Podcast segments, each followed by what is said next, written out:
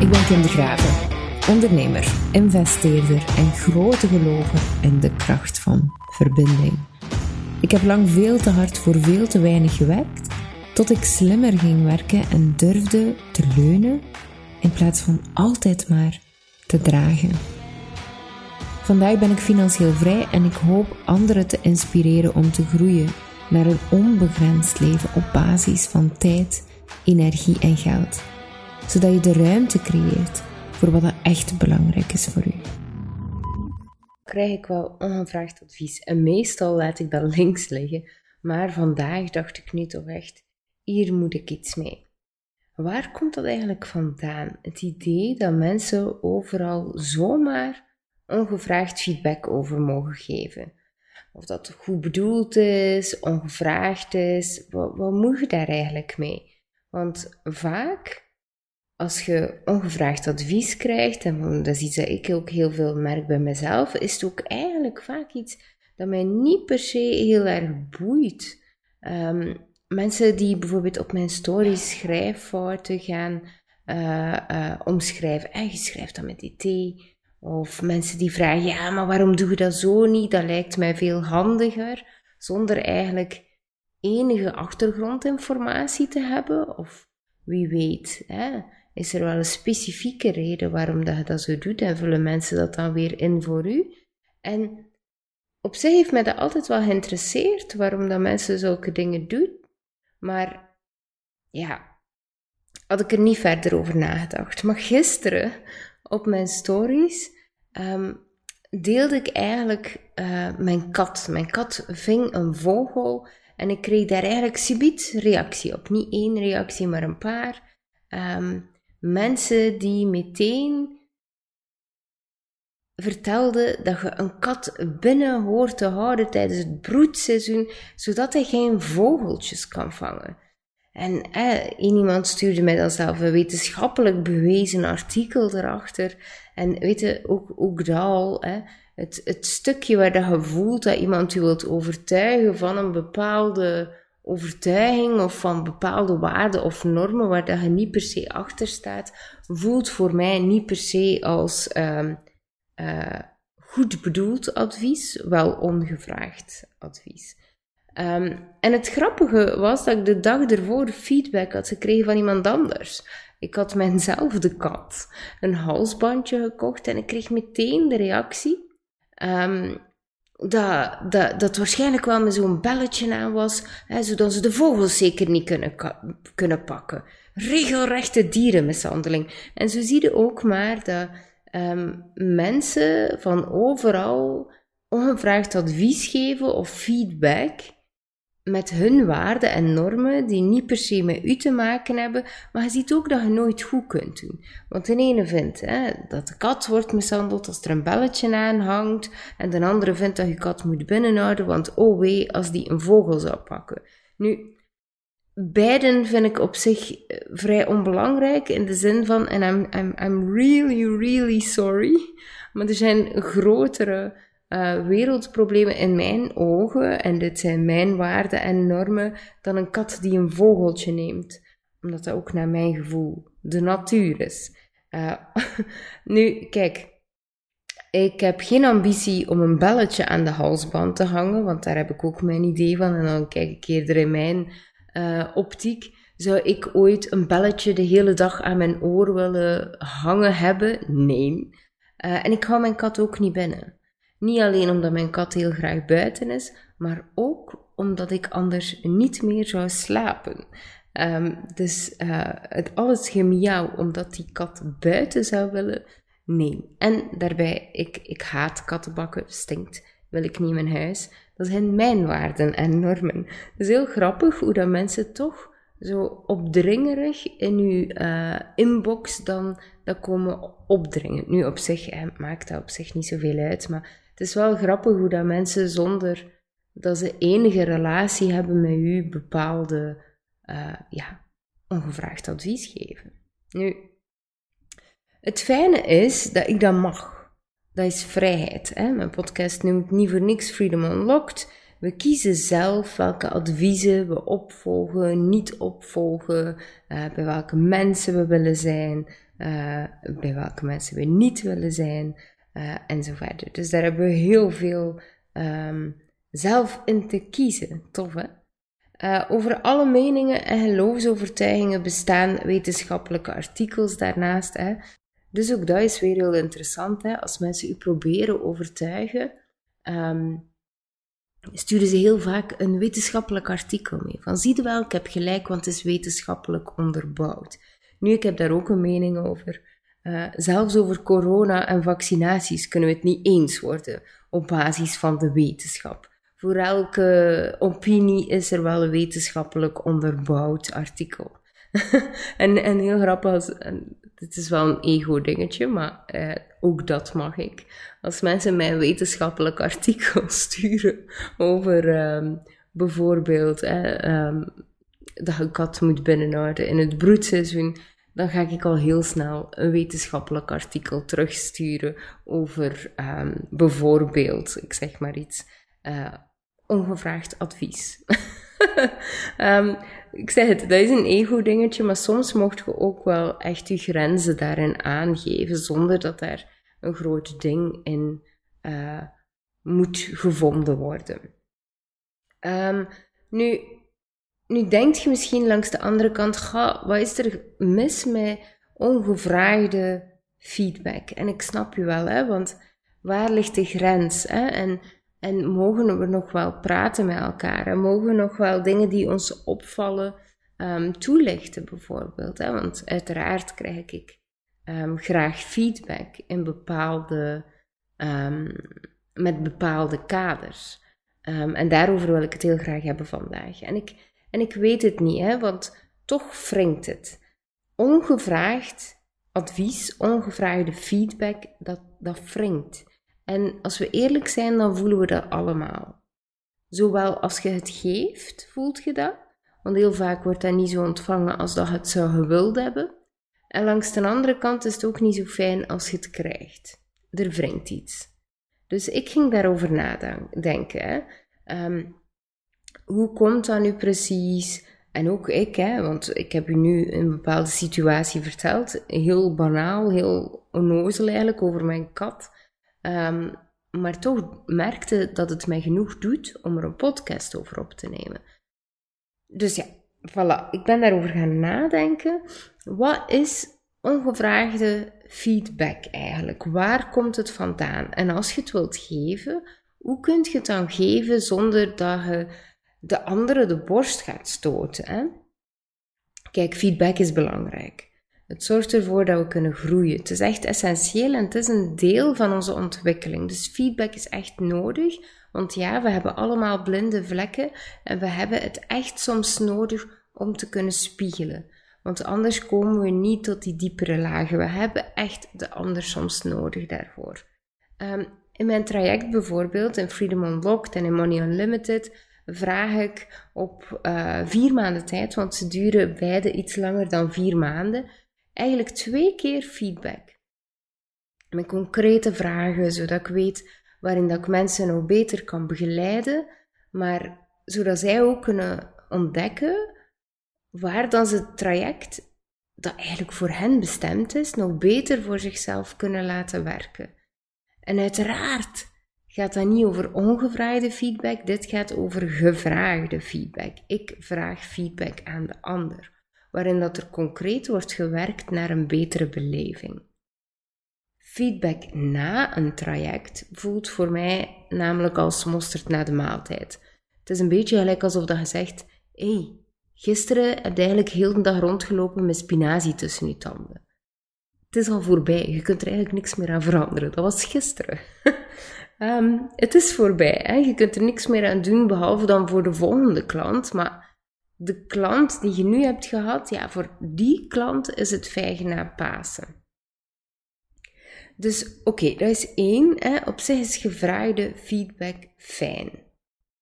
Maar wat als je feedback vraagt en de ander spouwt een heleboel emoties over u? Wat, wat betekent dat dan? Wat moet je daar dan mee? En eerst en vooral zegt dat helemaal niks over u. Het is heel makkelijk om een hoop shit over iemand te gooien en dan te zeggen: hier trekt er uw plan mee. Maar eigenlijk zit daar nog iets onder bij de gever. Al die emoties die komen eigenlijk uit een bepaalde frustratie.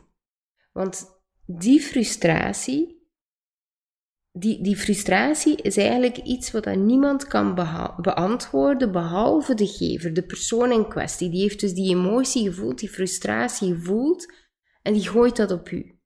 Maar jij zit daar eigenlijk als ontvanger heel weinig mee. Het symptoom van dit soort tafereelen is dat de persoon in kwestie, de gever, daar helemaal niet wilt naar kijken. Want kijken naar uw frustratie, kijken naar de emoties, dat doet pijn. Er zit namelijk een bepaalde geloofsovertuiging onder, vaak in de vorm van: ik voel mij niet gezien of gehoord door u, de ontvanger, en dus denk ik dat ik het niet waard ben. Dat is heel vaak een patroon dat daaronder zit. Als je dat weet als ontvanger van de feedback, dat dat plaatsvindt bij de gever van de feedback, dan kun je al met een heel andere bril kijken naar dit soort situaties. Nu, wat dat wel interessant is als gever, eh, als ontvanger, sorry, is waarom dat die woorden van die emoties u op dat moment raken. Pak nu um, dat je feedback vraagt over uw website en iemand zegt tegen u: ja, je hebt echt veel te veel schrijffouten en ik vind dat niet professioneel. En wat denkt jij wel? En een hele hoop emoties. bij die ene persoon zit er waarschijnlijk een overtuiging onder, prima.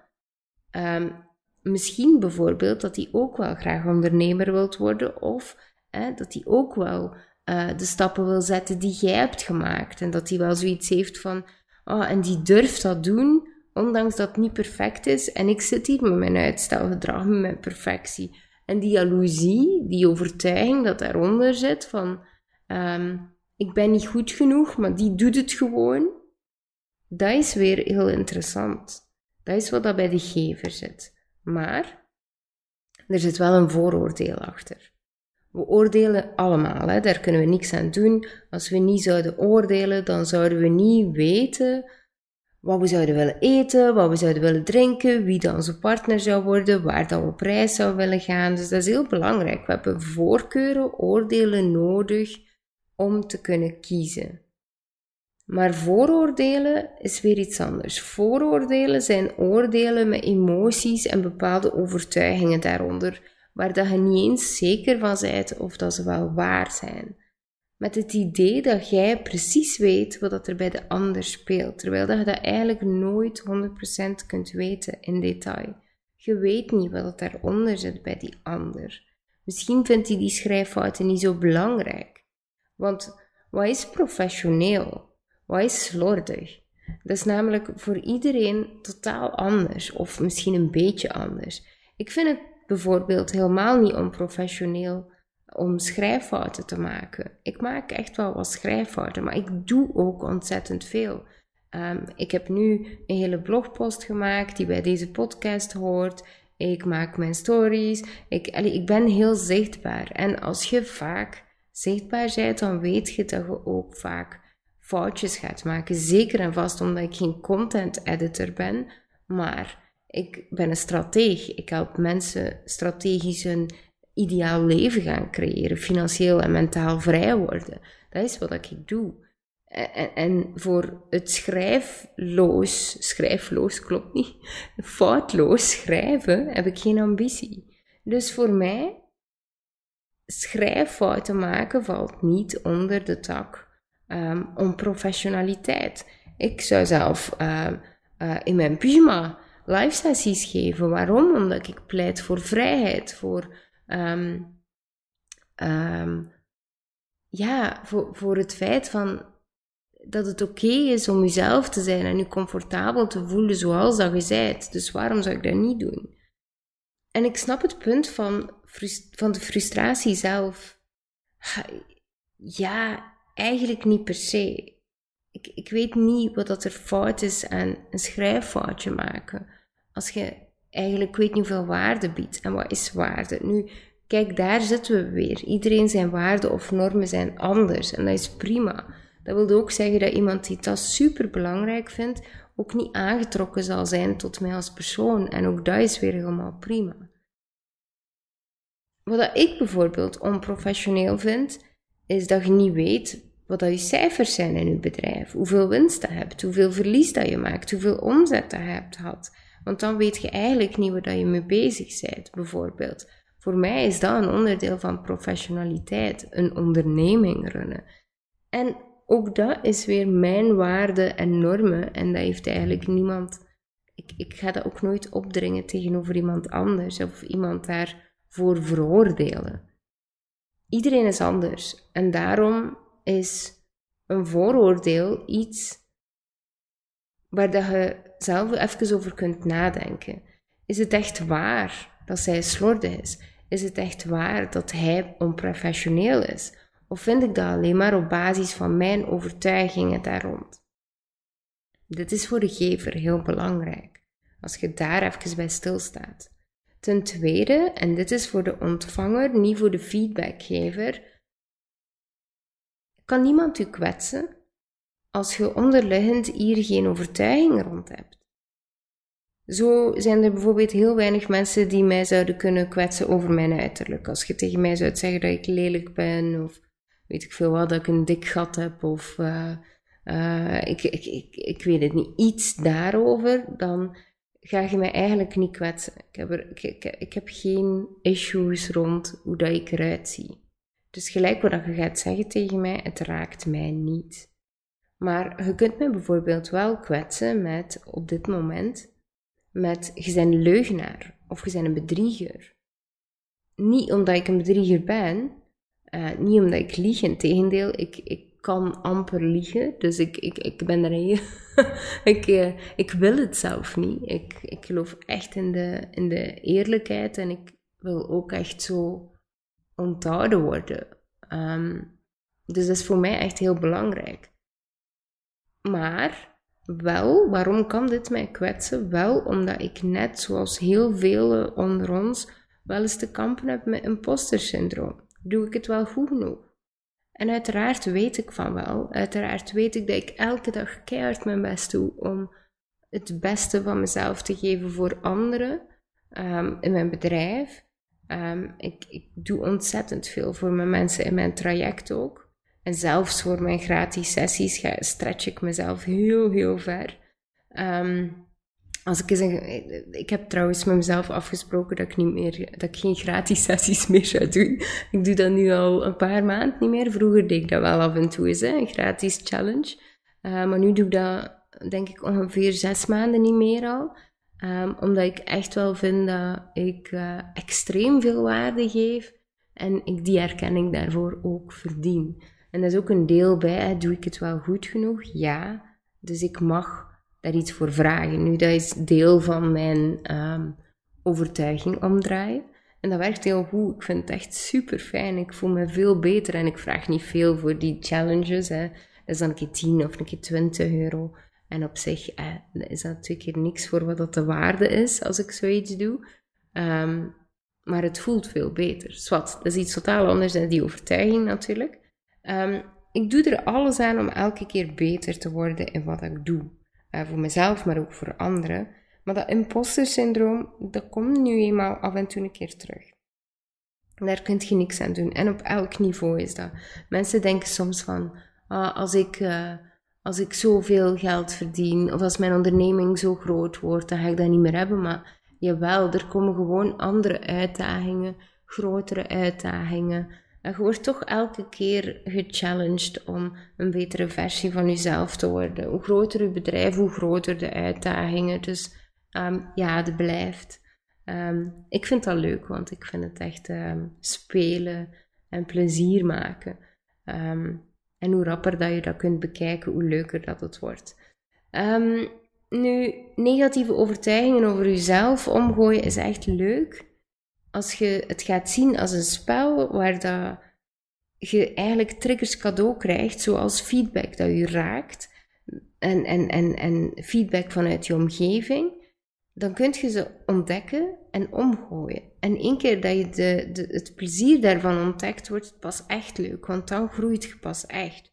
Dus als je feedback op je bordje krijgt dat je raakt, dan zou ik gewoon zeggen: pak het met beide handen en ontdek wat, dat er, wat dat u triggert. Wat kwetst u? Waarom? Wat gelooft u nog over uzelf? En dat is wel interessant, hè? even met een kleine afwijking van die feedback. Um, is dat toch essentieel als ontvanger om dat eventjes te bekijken. We hadden het over uh, feedback, we hebben het gehad over gevraagd advies, over gevraagd advies en de vooroordelen ervan, over de triggers die je ervan krijgt als ontvanger.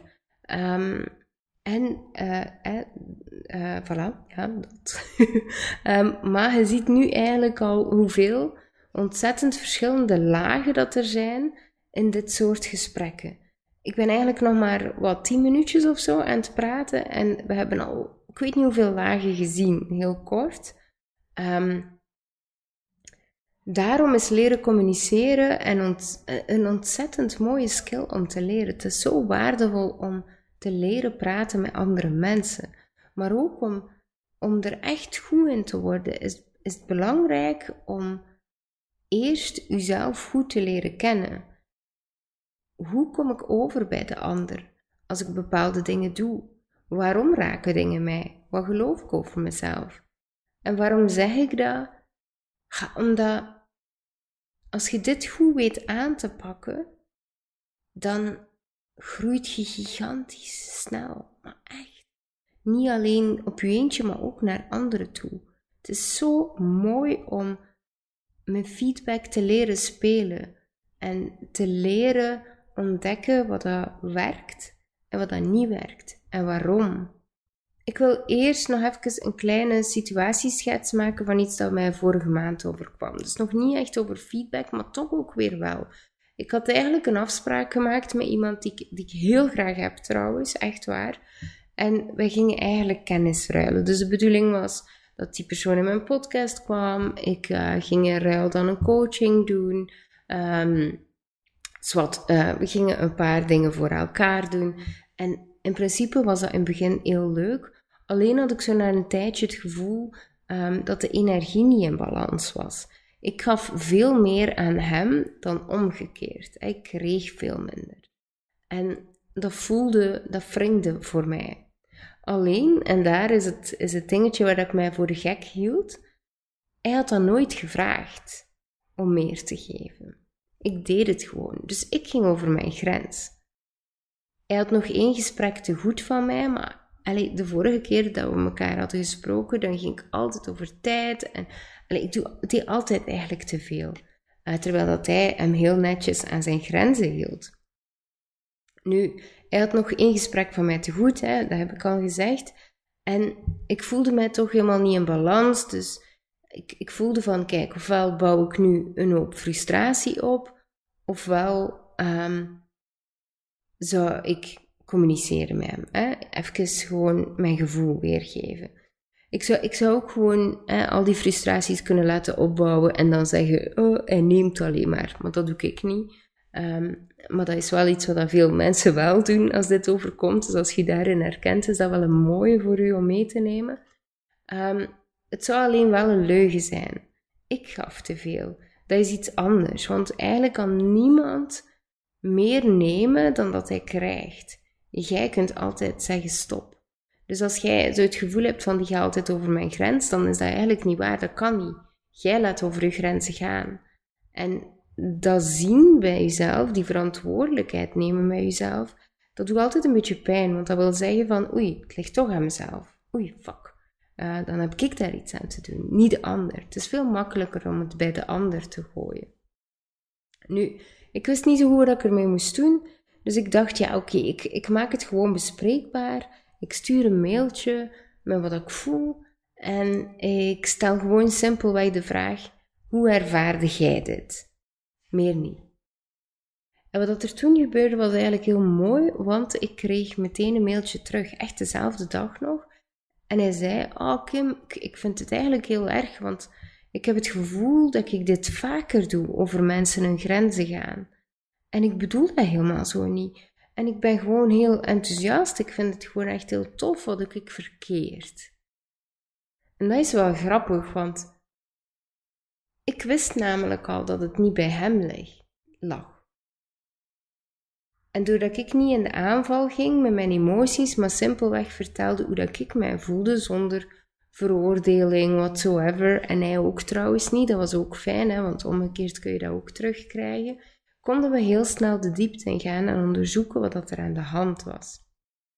Ik merkte dus ook meteen van, ja, had ik nu onbewuster geweest van mijn gedrag en hem dit kwalijk genomen, zonder mijn eigen verantwoordelijkheid hierin te nemen, dan had ik hem waarschijnlijk gekwetst. Of was hij misschien getriggerd geraakt en had het een heel ego-dingetje geworden met alle gevolgen van dien. Nee, nu kon ik hem meteen vertellen dat hij absoluut geen enkele verantwoordelijkheid droeg over mijn grenzen, uiteraard niet. En dat hij zich ook hierover nooit, nooit schuldig hoeft te voelen. Als hij dat ooit tegenkomt nou bij iemand anders, want iedereen is verantwoordelijk voor zijn eigen grenzen. En dat kleine gesprekje bleek al snel uh, de trigger te zijn om uit te kijken naar dat ene coachinggesprek dat hij nog te goed had van mij. Ideaal. En nu ga ik echt wel mijn tijd bewaren, zodat ik niet weer over mijn grens ga gaan, maar het wordt echt wel een gesprek waar ik nu op dit moment naar uitkijk. En daarom is die manier van communiceren echt heel belangrijk. Dankzij elke wis heb ik geleerd dat je soms 20 seconden moet wachten voordat je antwoordt of een vraag stelt. En dat je de vraag niet gaat sturen. Een sturende vraag is bijvoorbeeld als je begint met een werkwoord. Zou dat niet kunnen? Ja, dan zeg je eigenlijk al aan het invullen voor de ander wat dat je eigenlijk wilt waar dat gesprek naartoe gaat. Je wilt eigenlijk ergens gelijk over krijgen of je wilt over een bepaald topic beginnen praten. Dus niet beginnend met een werkwoord, maar wel met hoe, waarom, wat. En wat ik ook merk is dat ik tegenwoordig soms tijdens een gesprek stilval, omdat ik daar eventjes moet over nadenken. Oké, dit is de vraag dat ik wil stellen, die is sturend. Ik wil geen sturende vraag stellen. Oké, hoe rephrase ik die, die zin om een hoe, waarom of wat vraag te stellen? En dat mag ook zo met feedback. Dus, next. Ongevraagde feedback. Is het oké? Ik denk voordat we um, kunnen vaststellen of dat ongevraagde feedback oké is of niet, dat we onszelf enkele vragen moeten stellen. Dus voordat je begint te lullen tegen de ander, eerst even jezelf de volgende vragen stellen. Acht vragen in totaal. Dus als je iets hebt voor te schrijven, lekker zoals in school, dan kun je dit altijd noteren natuurlijk. Wilt deze persoon eigenlijk wel feedback? Is nummer één. En nummer twee is, is uw intentie met de feedback die je wilt geven in het voordeel van de persoon of niet? En dus, hoe zit uw intentie echt oprecht? Of is het eerder gewoon om jezelf slimmer, interessanter, uh, eigenwijzer te voelen? Hè? Wat dat ook heel vaak gebeurt. Het is leuk om uh, feedback te geven of advies te geven, maar heel vaak gebeurt dat omdat we ons dan net iets interessanter voelen. Dus, dat was vraag nummer twee. Nummer drie is over wie gaat die feedback? Dringt je uw ethische waarden en normen en regels op bij de ander, die misschien totaal andere waarden en normen heeft, waardoor dat je u dus superieur gaat opstellen? Even voor de duidelijkheid. Hè? Het is heel fantastisch als je veganistisch bent. Het is heel ah, ik bedoel, maar als je je waarde opdringt tegen iemand die vlees eet, die heeft misschien ook een bepaalde visie. En het doet er in dat geval niet toe wie dat er gelijk heeft, want daar gaat het niet over. Het gaat erover dat je je waarden en normen opdringt tegenover iemand anders. Ook omgekeerd, hè, trouwens. Ik heb geen mening over uh, veganisme of vleeseters. Dit is even gewoon puur een voorbeeld. Nu, um, is uw feedback, nummertje vier dus, is uw feedback interpreterend? Dus gevuld met vooroordelen, bijvoorbeeld jij zet altijd, jij doet nooit en zo verder. Of eerder beschrijvend.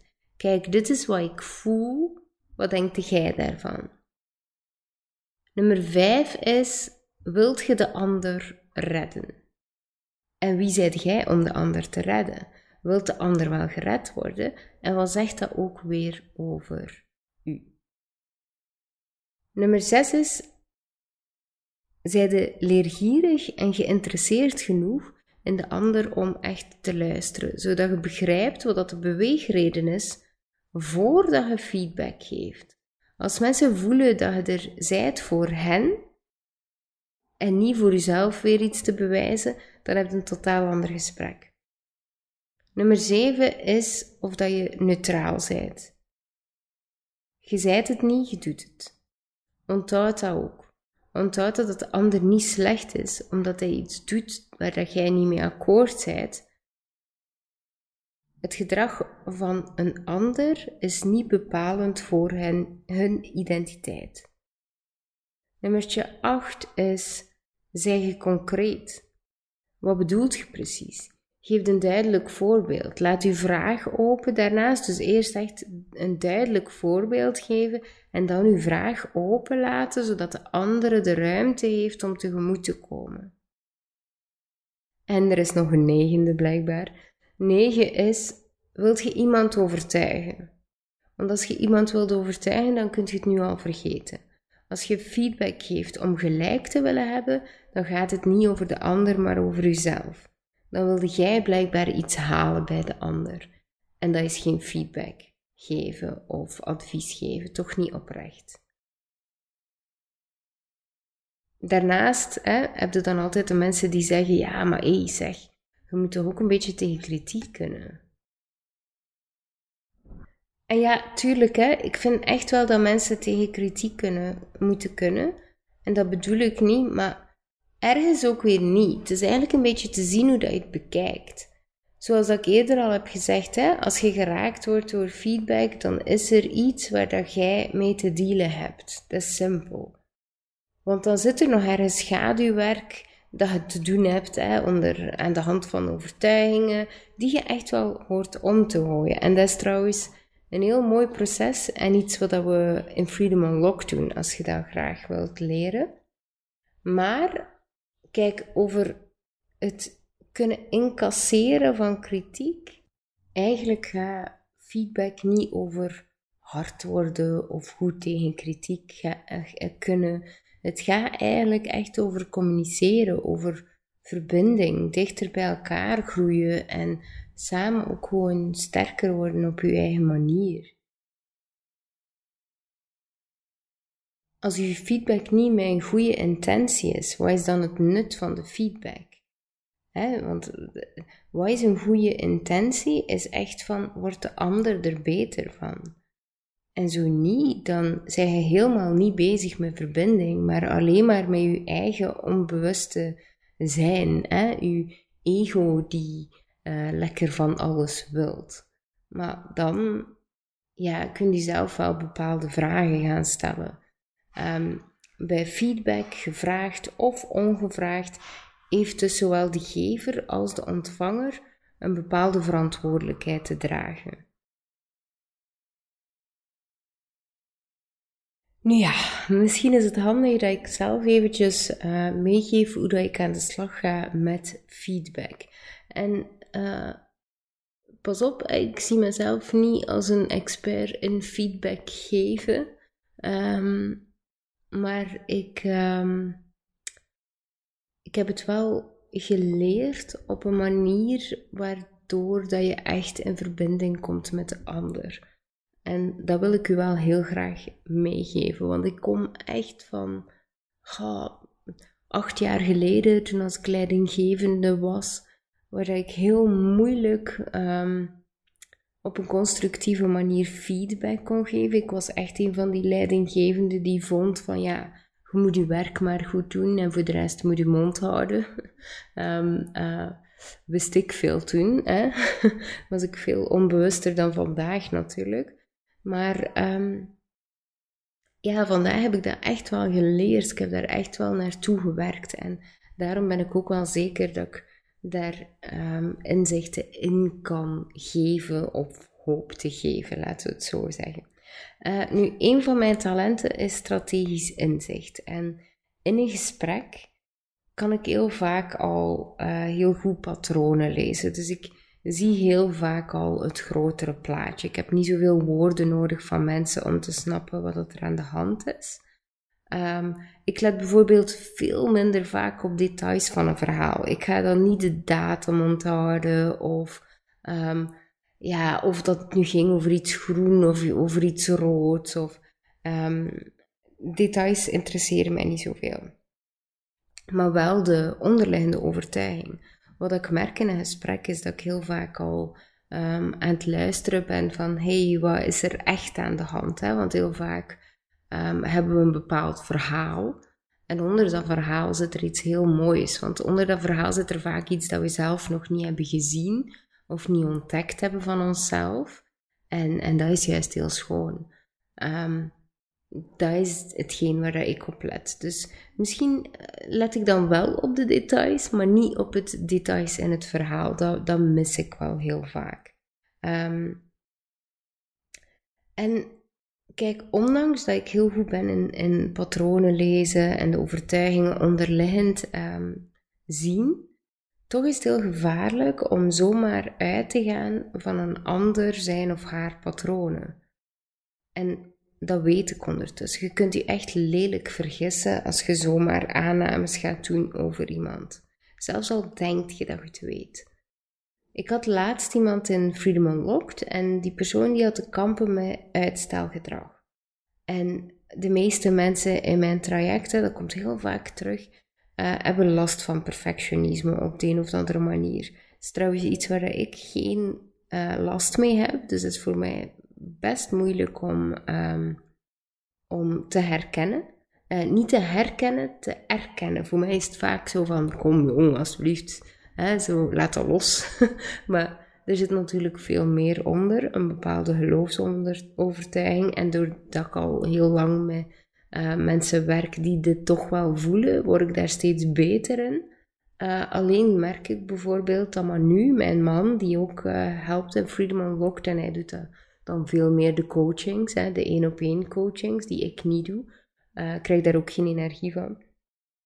Um, maar dat hij veel uh, beter mee om kan, bijvoorbeeld. Maar dus mijn eerste idee ging van uh, uit naar, ah, hè, die persoon heeft te kampen met uitstelgedrag. ja, waarschijnlijk heeft hij perfectionisme en raakt hij daardoor vast, omdat dat is wat ik heel vaak terug zie komen.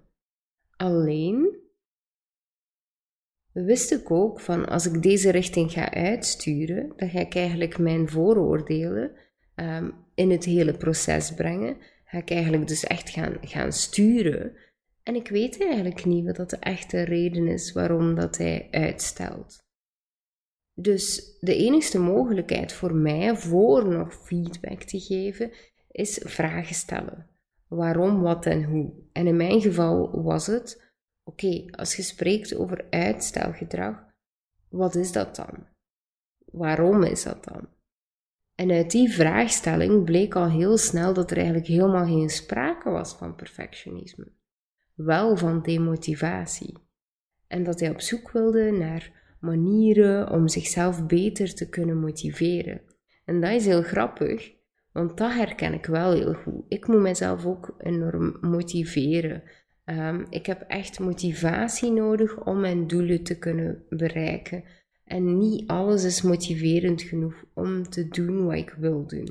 Als ik uitstelgedrag heb, komt dat heel vaak vanuit hetzelfde.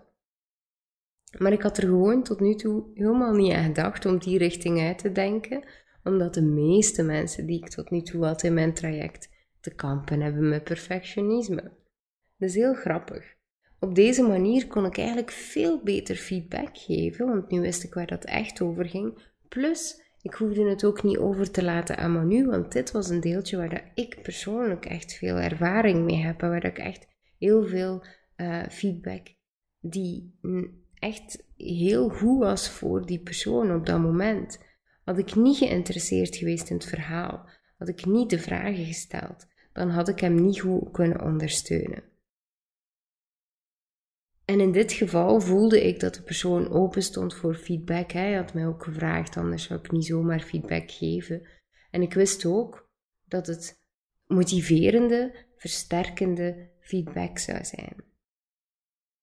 Nu, als het delicate feedback is, bijvoorbeeld je weet van, oef, hier kan ik iemand mee kwetsen, um, of hier kan ik iemand mee, weet ik veel wat, in de schenen schoppen, dan vraag ik het altijd eerst. Vind je het fijn als ik hier even feedback op geef? Zou je dat appreciëren? Je weet namelijk niet in welke mentale staat de andere is en of dat hij er eigenlijk wel zin in heeft. Want ik heb dat ook vaak, dat ik bijvoorbeeld een vraag stel, um, een, een retorische vraag waar ik eigenlijk geen antwoord op wil. Uh, dat hoeft niet altijd. Het, het hoeft niet altijd om mensen te willen helpen, want dan zit je weer in dat reddersyndroom. En over wat gaat dat dan, dat je die persoon wil redden? Gaat dat dan over die persoon of gaat dat dan over u? Even stil bij staan, want het is best veroordelend om iemand te willen redden. Want dan zeg je op dat moment dat die persoon het niet goed doet. Um, dat die niet goed genoeg is. Eigenlijk zijn dat de dingen die je op dat moment zegt. Um, daarnaast weet je ook de waarden of de normen niet van die persoon. Wie zeg jij om die van u zomaar op te dringen? Dus vraag het gewoon eventjes. Zou je het fijn vinden om hier advies over te krijgen? Zou je het fijn vinden om hier uh, feedback over te krijgen? Dat is echt niet zo moeilijk om te vragen. Uh, in plaats van gewoon iemand um, te overrompelen met, met uw gedachtegang. Um, dat is trouwens een heel mooie bij kinderen. Ik heb in, in, in huis een puberende dochter met een heel gevoelig zieltje. En ik kan, ik weet dat ik haar alles kan vertellen. Ik weet ook dat ze mij alles zal vertellen.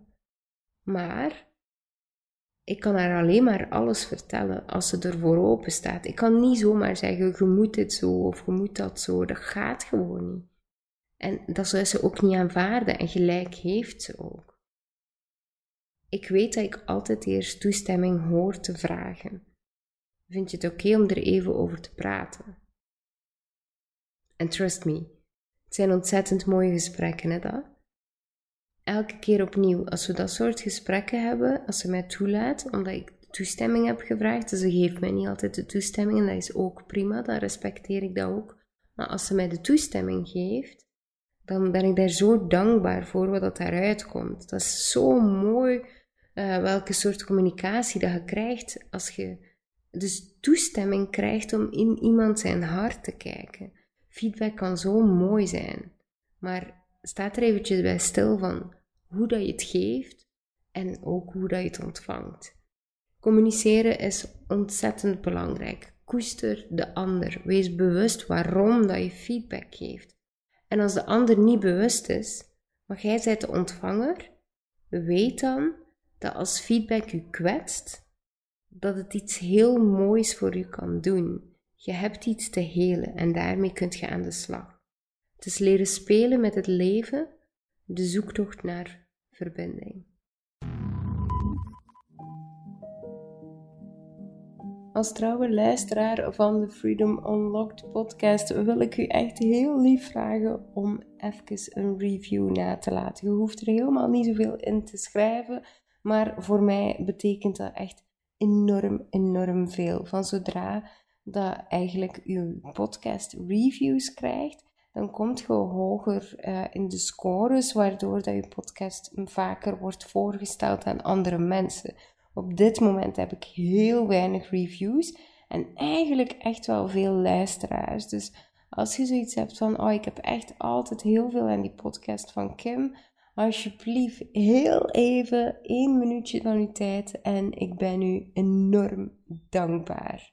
Je kunt dat trouwens super simpel doen op de uh, podcast player waar je luistert. Dan heb ik het over uh, Spotify, YouTube, maar ook bijvoorbeeld um, uh, Apple Podcast, Google Podcast, you name it. Dus gewoon het platform waar dat jij naar luistert. Even heel kort en klaar. Meer vraag ik niet. Dikke merci. Tot de volgende.